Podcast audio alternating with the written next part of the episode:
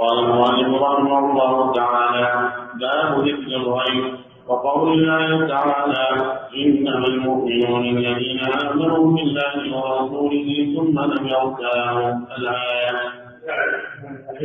الحمد لله. والصلاة والسلام على رسول الله.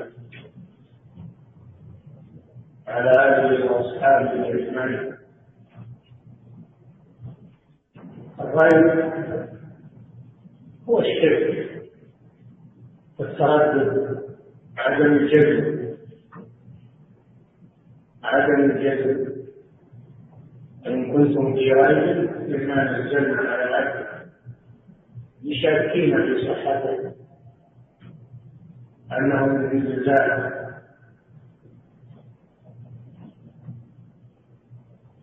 فالمؤمن لا يسمى مؤمنا. إلا إذا كان خاليا قلبه من الريب والشكوك في دين الله عز وجل. يكون موقنا. صحة هذا الدين. من غير أن يحتله شك أو تردد فإن كان عنده غير أو تردد فليس بمؤمن ولهذا قال جل وعلا إنما المؤمنون على حسب. إنما المؤمنون أي الذين يستحقون هذا الاسم الذين آمنوا بالله ورسوله.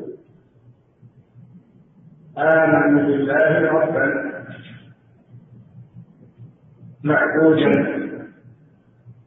آمنوا بأسمائه وصفاته ورسوله. آمنوا برسوله صدقوا رسالته اتبعوه. ثم لم يرتابوا لم يحصل عندهم تردد أو شك في إيمانهم. انما المؤمنون على حسب. اي ليس غيرهم. الذين آمنوا بالله ورسوله محمد صلى الله عليه وسلم. ثم لم يرتابوا. اتبعوا هذا العمل جاهدوا. انما المؤمنون الذين آمنوا بالله ورسوله ثم لم يرتابوا. وجاهدوا بأموالهم وأنفسهم. جاهدوا بأموالهم بان جهزوا الغزاة واعدوا العده لجهاد الكفار من اموالهم هذا الجهاد بالمال وأنفسهم. ان شاركوا في القتال وخاضوا المعركة مع الكفار. ابتغاء وجه الله وطلبا لنصرة هذا الدين ولإعلاء كلمة الله. لعلامة الصدق الإجابة في سبيل الله يعرض نفسه للخطر ويكون هذا دليل على صدق إيمانه أو الإيمان دعوة فقط ليس الإيمان بالقلب فقط كما يقوله المرجع. أي من الإيمان قول واعتقاد وعمل. وجاهدوا في سبيل الله. ولا يكون ولا يكون المؤمن مجاهدا في سبيل الله إلا إذا أخلص نيته. وكان قصده إعلاء كلمة الله. تكون كلمة الله هي العلم. لما سئل النبي صلى الله عليه وسلم عن الرجل قاتل شجاعة وقاتل حمية ويقاتل من أجل المرء نعم. أي ذلك في سبيل الله؟ قال صلى الله عليه وسلم من قاتل لتكون كلمة الله هي العليا فهو في سبيل جاهد بأموالهم جاهد الكفار بأموالهم وأنفسهم. أولئك أي الذين اتصفوا بهذه الصفات آمنوا ولم يرتابوا وجاهدوا. أولئك هم الصادقون. الصادقون في قولهم آمنا لأن هذا رد على الأعراب الذين قالت الأعراب آمنا. ولم تؤمنوا ولكن قولوا أسلمنا يعني دخلنا في الإسلام. أما الإيمان فهو أرفع من أرفع من الإسلام. قد يسلم الإنسان ولا المنافق يسلم. ليس فيه إيمان. الإسلام قد يكون معه إيمان وقد يكون ليس معه إيمان.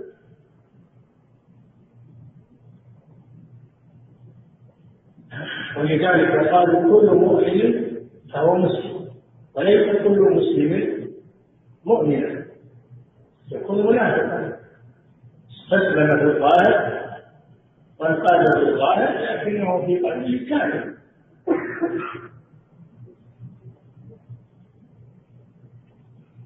فهذه الآية تدل على أن الإيمان لا يكون إيمانا صادقا إلا إذا لم يكن معه غيره ثم لم يرتابوا ويكون معه عمل جاهد في سبيل الله بأموالهم وأنفسهم. نعم. وقوله تعالى والذين يؤمنون بما أنزل إليك وما أنزل من قبلك وبالآخرة هم يوقنون. أولئك على هدى من ربهم وأولئك هم المفلحون. نعم في البقرة. قال الله سبحانه وتعالى بسم الله الرحمن الرحيم. ألف ذلك الكتاب يعني القرآن. ذلك الكتاب لا ريب فيه. لا ريب أنه من عند الله. ولا ريب في ما أخبر عنه من من علوم الغيب. لا ريب في صدقه صدق هذا القرآن. الذي يتشكك في القرآن هذا ليس بمؤمن يعني يحتمل أنه صحيح ويحتمل أنه ما هو صحيح. أو قال أن العلم الحديث يخالف القرآن. فهذا في قلبه ريب شك هذا ليس إذا ظهر للناس أن بين القرآن وبين العلم الحديث كما يسمونه. مخالفة فإننا نتهم هذا القرآن. القرآن لا شك أنه صدق. وأما النظريات نظريات الناس فهذه تحتمل. الصحة تحتمل الخطأ. القرآن قطعا أنه خطأ وأما نظريات الناس فإنها تحتمل فإذا تعارضت مع القرآن دل على أنها باطلة. دل على أن هذه النظريات باطلة. القرآن يحكم عليها ولا تحكموا عليه الذي يشكك ويقول العلم الحديث والقرآن الظني وهذا العلم الحديث هذا قطعي بما يقوله أهل الضلال. يهمون الوحي المغني وأن هذا هذا الغيب قوله ظني هذا هو الغيب هذا هو الشرك. ويقولون النظريات أو العلم الحديث أو التجربة على قطعي فيقال لهم تدخل. القرآن لا يأتيه باطل يجري إليه ولا يقال أما النظريات البشرية فإنها عوضة للخطأ والصواب. فإذا تعارضت مع القرآن رفضناها واعتقدنا أنها باطلة. ابدا ما يتعارض القرآن لا يعارضه شيء.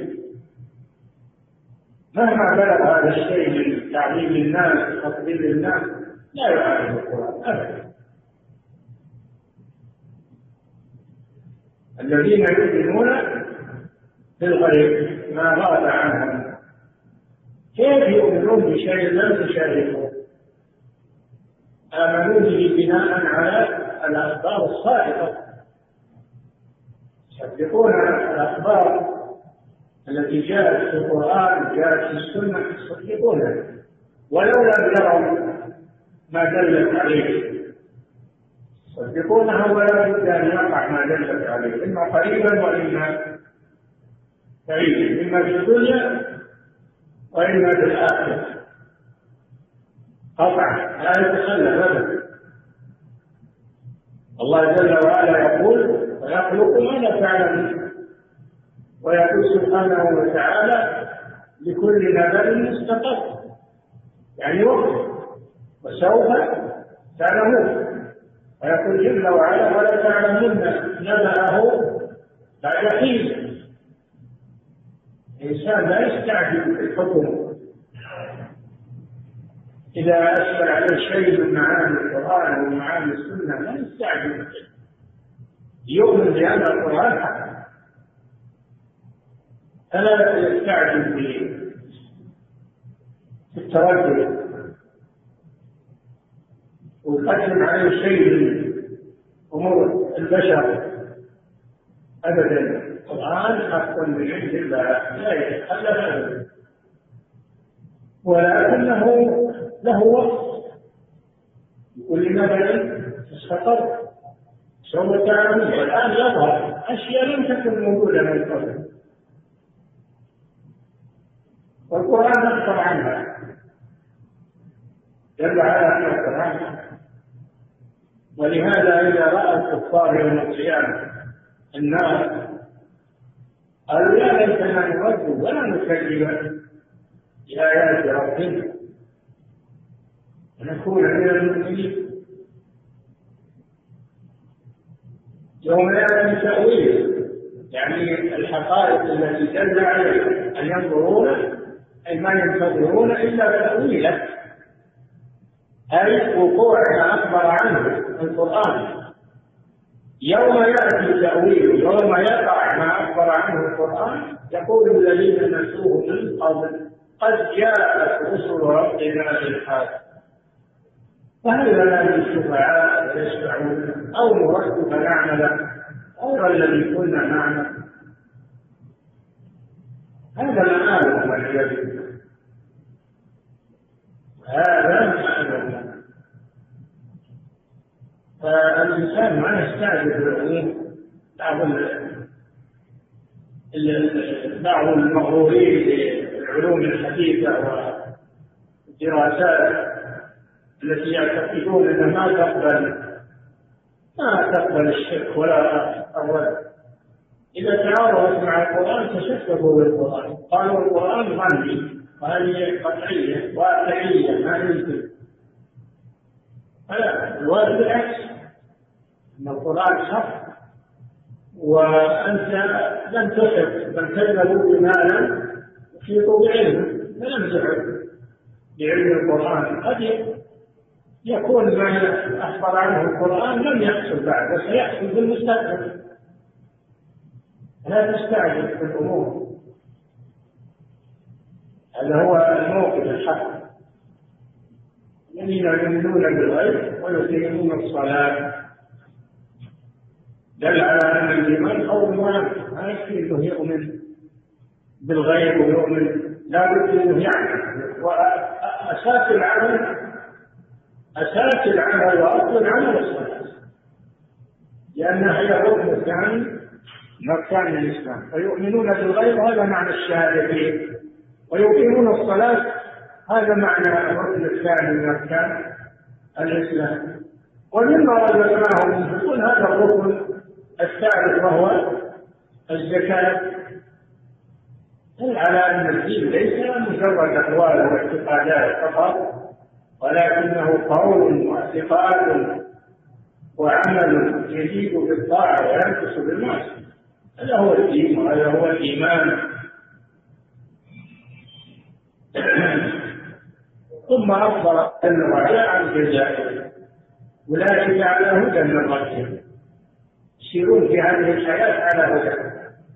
ما يصير عندهم شكوك أو أوهام. ولا يعتريهم ولا يعتريهم توقف مثل ما يحصل لأهل الغيب على هدى من وأولئك هم المفلحون. حصر الهداية وحصر الفلاح فيهم. دل على أن غيرهم ليس مهتديا وليس مفلحا نعم. وقوله تعالى وإذا قيل إن وعد الله حق والساعة لا ريب فيها إلى قوله وما نحن بمستيقنين. نعم هذا خطاب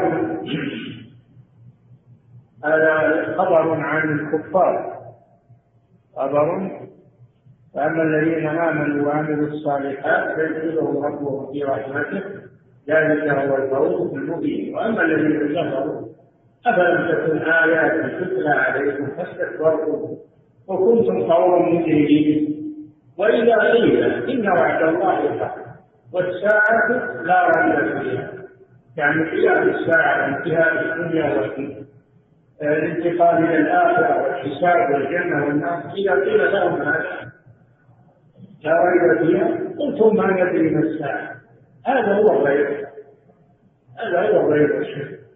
ما ندري ما الساعة. إن نظن إلا ظنا وما نحن بمستيقنين.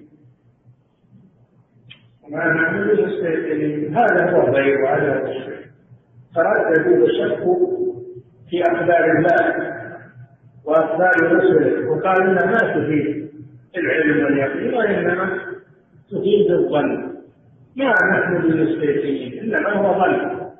وهذه نفس المقالة اللي رددها الآن أهل الضلال. من المحتجبة وغيرهم أن نصوص الوحي بدون سمعية تفيد الظن. وأما علم المنطق وعلم آه، علم الجدل فإنما هو قواعد يقينية ويحكمونها ويردون الآيات ومثلهم أصحاب النظريات الحديثة الذين اغتروا بها واعتقدوا القداسة وأنها تقبل. القرآن يقبل عندهم التردد والشك لكن هذه النظريات يقولون ما تقبل. نفس الشيء هؤلاء هم هم الذين ذكر الله. إن نظن إلا ظنا وما نحن بمستيقنين وبدا لهم سيئات ما عملوا وحاقت يعني ظهر لهم. ظهر لهم في الآخرة سيئات ما عملوا في الدنيا. وأدركوا أنهم مخطئون لكن ما ينجيهم. وحاق بهم يعني أهلكهم ما كانوا به يستهزئون. وقيل اليوم الإنسان يعني نترككم في العذاب كما نسيتم لقاء يومكم هذا ولأواكم النار وما لكم من ناصر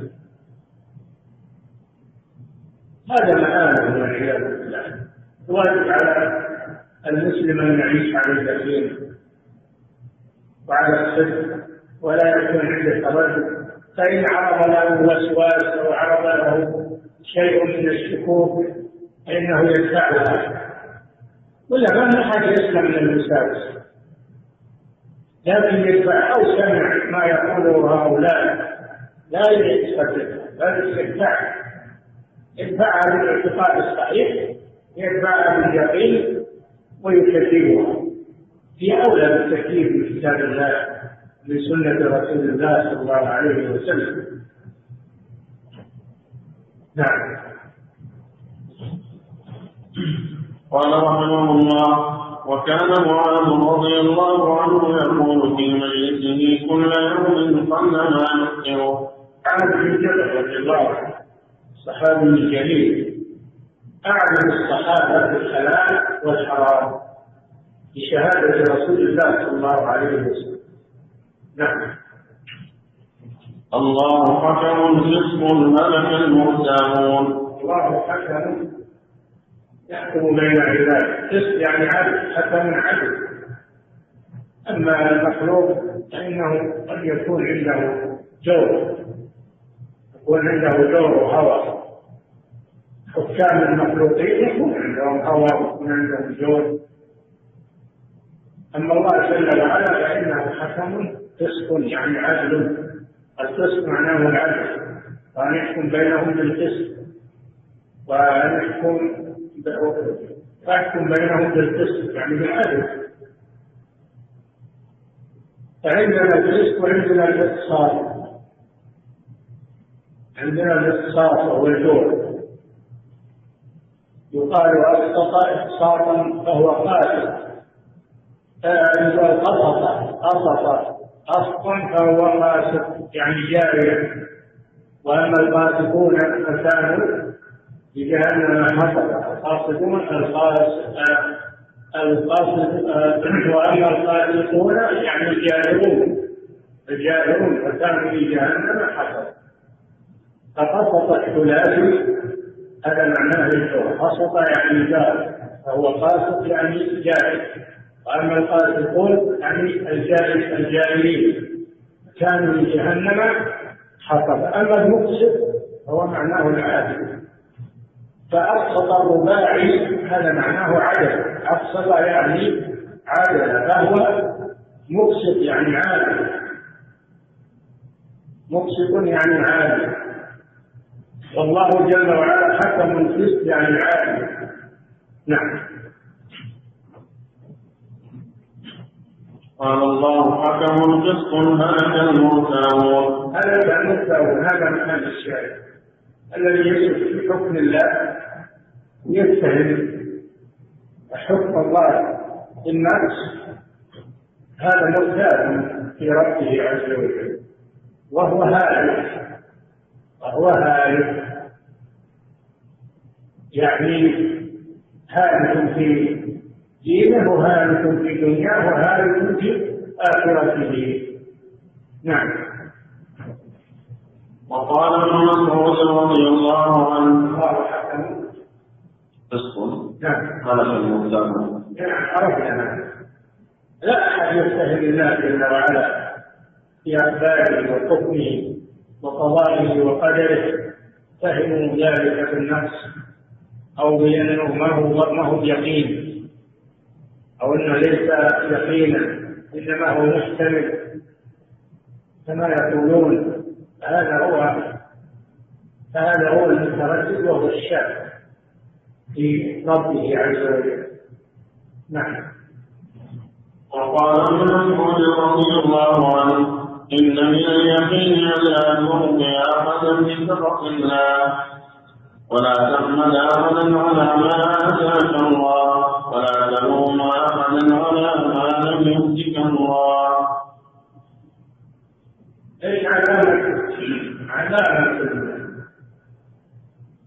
انتفاء الضيف من القلب. علامته ما ذكر ابن مسعود رضي الله عنه في هذا الحديث. إن نعم من اليقين. اليقين ضد الشك. اليقين ضد الشك. نعم. لا ترضي أحدا بسخط الله.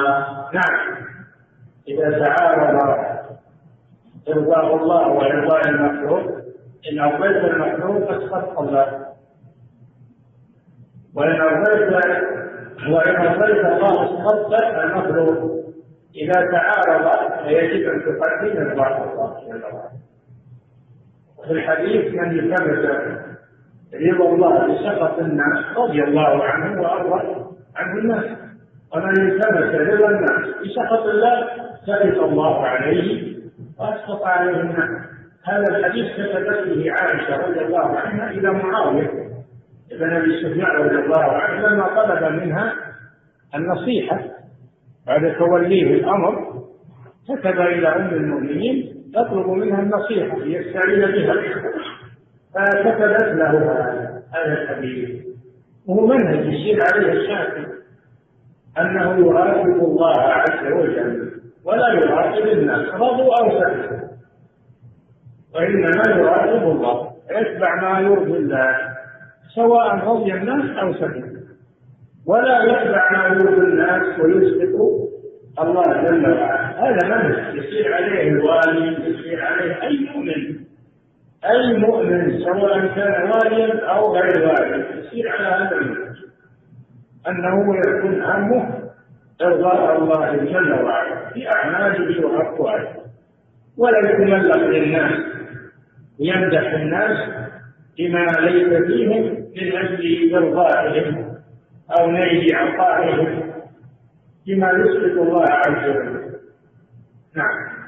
لأن بعض الناس ما هم إلا يرضى الناس ولو بالمعاصي ولو يعطيهم ما يريدون إذا كانوا يريدون الإباحية والحرية يعطيهم هذا يعطيهم الإباحية ويعطيهم الحرية من أجل يرضيهم من أجل يرضيهم يكسب وده بزعمه. والواقع هو العكس أن القلوب بيد الله. ما يقنعون منه ولا يرضون عنه. مهما أعطيتهم ما يرضون عنه سيبعدون لأنك أسخطت الله فأسخطهم عليك ولو أعطيتهم حريتهم وأعطيتهم ديمقراطيتهم كما يقولون. فعليك أن تطيع الله عز هذا هو الذي يجمعك في الدنيا والآخرة. إرضاء الله. لكن قل من يصبر على هذا قل من يوفق لهذا سيبتلى الإنسان يمتحن قل من يصبر وقل من يتيقن هذا. فهذا منهج سليم ومنهج واضح. أن تجعل الله بين عينيك دائما وأبدا فإذا عرض لك أمر فانظر فيه. إن كان مما يرضي الله فخذ به ولو سكت الناس عليك. سيحبونك فيما بعد. وإن كان في, في إذا كان في رضا الله فخذه ولو سكت الناس. وإن كان في سخط الله وإرضاء الناس فتجنب هذا هو المنهج السليم ولكن هذا لا يكون إلا ممن ليس عنده غير هذا نتيجة لانتفاء الريب من القلب وانتفاء الشك من القلب. نعم. ولا تحمد أحدا على ما آتاك الله. أتحمد الناس على ما آتاك الله. احمد الله جل وعلا. ولهذا الحمد لله. أول لفظه في المصحف بعد البسمله ما هي الحمد لله. أي جميع المحامد لله عز وجل. لا يستحق المحامد المطلقة غير الله جل وعلا لأنه هو المنعم بجميع النعم. أما المخلوق فإنه يحمد على قدر صنيعه فقط. يحمد على قدر صنيعه أما الحمد المطلق الحمد لله أي جميع المحامد أي لله جل وعلا. نعم. ولا تلوم احدا على ما لم يؤتك الله. إذا بعد طلبت شيء ولم يحصل اعلم أن الله لم يقدره لك فلا تلوم الناس وهم السبب وهم اللي يدفعون وهم اللي لا. تعلم إنهم لم لك فلو قدر له ما منعه لك كما قال جل وعلا ما يفتح الله من رحمة فلا ممسك له وما يمسك فلا مرسل له من في الحديث أن النبي صلى الله عليه وسلم قال لعبد الله بن عباس واعلم أن الخلق لو اجتمع على أن ينفعوك بشيء لم ينفعوك إلا بشيء قد كتبه الله لك. ولو اجتمعوا على أن يضروك بشيء لم يضروك إلا بشيء قد كتبه الله عليك. فالأمور بيد الله. الله هو الذي يحمد على كل حال على السطر وعلى الضر يحمد على كل حال. لأن الضر قد تكون في حقك خير. وإن كان في ظاهرها ضرر لكن عاقبتها أنها خير لك. ولهذا في الحديث ما عجب لأمر المؤمن إن أمره كله عجب. إن أصابته سر شكر عليها كان ذلك خيرا. وإن أصابته ضرة صبر عليها فكان ذلك خيرا. له وليس ذلك إلا للمؤمن. إلا للمؤمن. الرضا عن الله جل وعلا سواء أصاب الخير أو أصاب الشر ترضى عن الله. ترضى ولا تسقط ولا تشجع لأن هذا هو قضاء الله. ولهذا الحديث الذي سمعتم أو مر بكم فإن أصابك شيء فلا تقل لو أني فعلت لكان كذا وكذا ولكن قل قدر الله وما شاء فعل أو قدر الله وما شاء فعل أرجع الأمر إلى القضاء والقدر. ولا ترجعه إلى الناس يقولون الناس الناس. ما بيديهم شيء. لو انهم قدروا لك ما أبدا. تعلق قلبك بالله. هذا هو اليقين. هذا هو عدم الغير. نعم. وإن الله بعلمه وحسنه جعل الروح والفرح باليقين الله جل وعلا بعلمه وقسطه يعني عدله جعل الروح يعني الراحة والفرح باليقين المستيقن مرتاح. اللي عنده يقين هذا مستريح في دنياه. ما يشبع ولا يصح. إن أصابه خير شكر الله عليه. وإن أصابه غير ذلك صبر على ذلك فهو مرتاح أما اللي عنده ضعف في الإيمان أو تردد أو شرك فهذا فهذا إن أصابه نعمة بطل وتكبر ونسي الله عز وجل وإن أصابه ضرر جزع وسخط وسخط على الله عز وجل. هذا الذي عنده غير عند الشرك. هذه نتيجة غير الشرك في القلوب. نعم. وجعل الهم والحزن بالشك والسفر نعم. جعل الله الهم والحزن الهم الذي يصيب الإنسان الهموم الهموم المقلقة والحزن الذي هو التندم على ما فات. في الشك يكون الإنسان عنده شك. أما الذي عنده يقين فهذا لا. يصيبه هم ولا حزن عنده يقين ما يصيبه هم ولا حزن لأنه يعلم أنه عبد لله. وأن ما قدر الله عليه سيجري عليه مهما فعل مهما تحصل فلذلك ما يرتاح ولا يرتاح يعني سيقين قلبه ثابت. ما يتزعزع مع مع الأحداث مع الكوارث قلبه ثابت. أما الذي عنده شك وعنده ريب فهذا يصير عنده تزعزع عند الأحداث عند الكوارث نعم. وإن ذكر الله لا يجره كالصخر ولا يرده كراهية كاره. أي نعم هذا مثل ذكر في أول الحديث أن رزق الله إذا قدر الله للشيء فلا أحد فلا أحد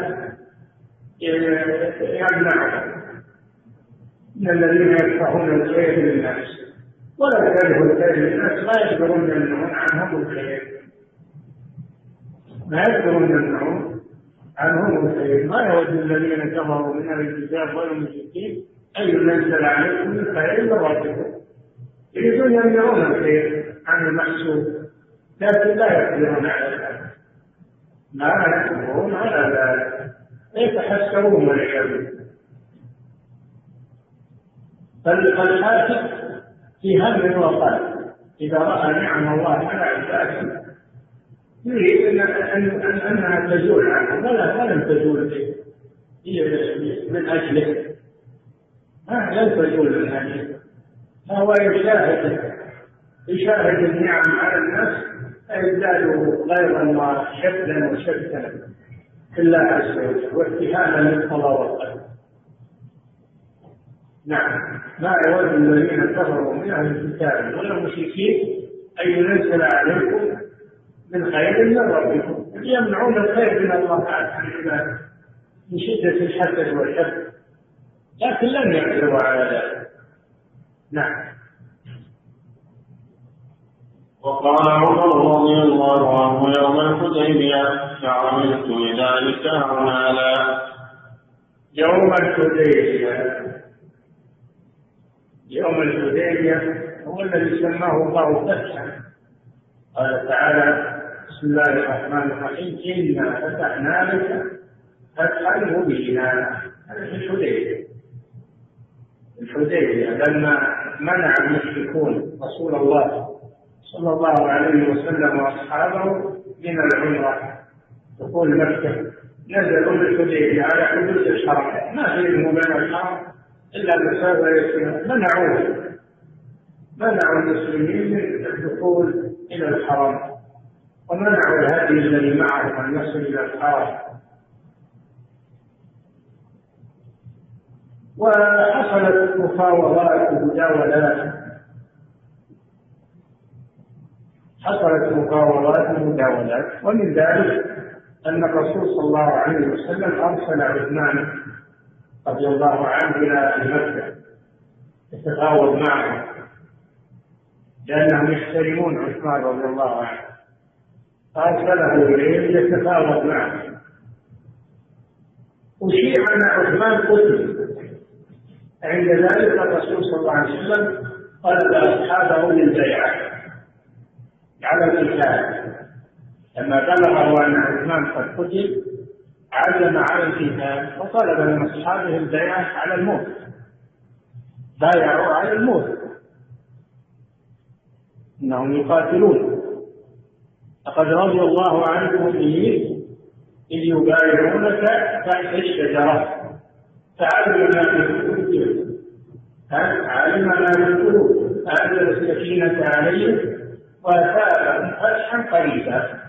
ومغانم كثيرة يأخذونه جزاء هذا جزاء عاجل في الدنيا. وما عند الله من الجزاء في الجنة. أعظم واحد لما صدقوا مع الله ورسوله وبايع الرسول صلى الله عليه وسلم على الموت والقتال. فبعد ذلك لما راى المشركون أن الرسول صلى الله عليه وسلم وأصحابه مصممون على اما العمرة واما القتال أرسلوا رسلا يتفاوضون مع الرسول صلى الله عليه وسلم. بناء على هذا الصلح فصار هذا الصلح فتحا سماه الله فتحا. وتبين لعمر أنه مخطئ.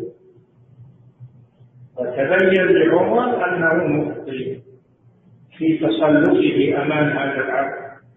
وهو ما فعل هذا عن شرك ولا عن غيره ولكن من قوته رضي الله عنه. من قوته يريد أن لا يعطي الكفار شيئا ابدا.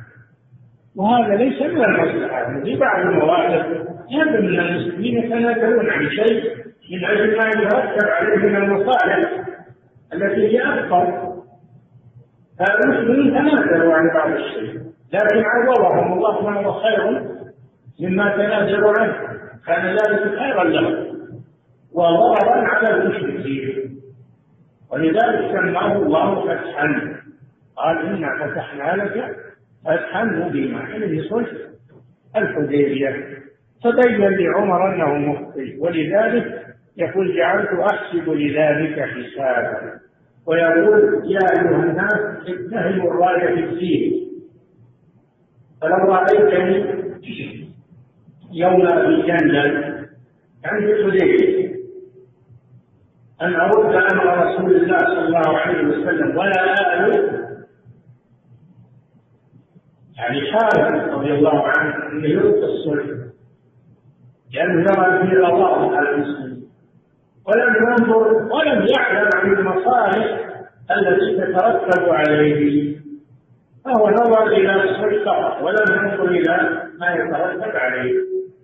لذلك ندم على موقفه وصار يحسن لذلك حسابا. ولذلك صار رضي الله عنه من أحذر الناس من الآراء والأقوال المخالفة للكتاب والسنة أحرص الناس على الاتباع والاقتداء بالرسول صلى الله عليه وسلم. فأكتبه درسا أكتب هذا عمر والمسلمين درسا أنهم لا يعترفون على أحكام الله ورسوله. ولو ظهر لهم أن فيها إضافة فإن العواقب والمصالح أرجح مما فيها من ما يظن من الغضاضة أو هذا هو اليقين وهذا هو الإيمان هذا هو الإيمان ولذلك راح عمر إلى أبي بكر شكى إليه قال كيف نرضى بهذا؟ قال أليس هو رسول الله؟ أبو بكر أليس هو رسول الله؟ قال قال فأنت في يعني لا يكون يمكن اعتراض أبدا. هو رسول الله صلى الله عليه وسلم. فلا يكون المسلم إلا مستقيما لله ولرسوله. هذا موقف أبي بكر هذا موقف اليقين؟ هذا موقف اليقين والثبات عند الهزات عند المحن الناس يتفاوتون حتى المؤمنين يتفاوتون. اللي عنده قوة إيمان أثبت من الذي هو دون الإيمان. يتفاوتون عند الهزات عند الحوادث نعم. وفيه معنى قوله صلى الله عليه وسلم لا فطعم الإيمان برضي بالله ربا وبالإسلام دينا وبمحمد رسولا. أخرجه مسلم وعن عباس لا فطعم الإيمان. لا فطعم الإيمان. ما كل مؤمن يذوق طعم الإيمان؟ هو مؤمن. لكن ما كل مؤمن يذوق طعم الإيمان؟ أو حلاوة الإيمان. ما ينالها إلا خواص المؤمنين. متى يذوق الإنسان طعم الإيمان؟ من رضي بالله ربا والإسلام دينا ولم ولم يكن في خاطره شك ولا غيره هذا الذي يذوق طعم الإيمان. يكون مطمئن القلب مطمئن النفس. لا يتزعزع من رضي بالله ربا وبالإسلام دينا وبمحمد صلى الله عليه وسلم نبيا رسولا. هذا يذوق طعم الإيمان الرضا الرضا التام عن الله ورسوله نعم ذاق ذاق طعم الإيمان من رضي بالله ربا وبالإسلام دينا وبمحمد رسولا نعم أخرجه مسلم وعن العباس رضي الله عنه في الحديث الآخر لا يجوز حلاوة الإيمان. حتى يكون الله ورسوله أحب إليه. لم يجد عبد طعم الإيمان. حتى يكون الله ورسوله أحب إليه مما سواه. وأن يحب المرأة لا يحبه إلا لله. وأن يكره أن يعود بالكفر بعد إذا أنقذه الله منه كما يكره أن يقذف في النار. كون يقذف في النار يتوضأ وهو حي أو يرجع إلى الكفر سواء. هذا المؤمن القوي الإيمان ما يتشابه عن الإيمان هذا يجوز حلاوة الإيمان. نعم.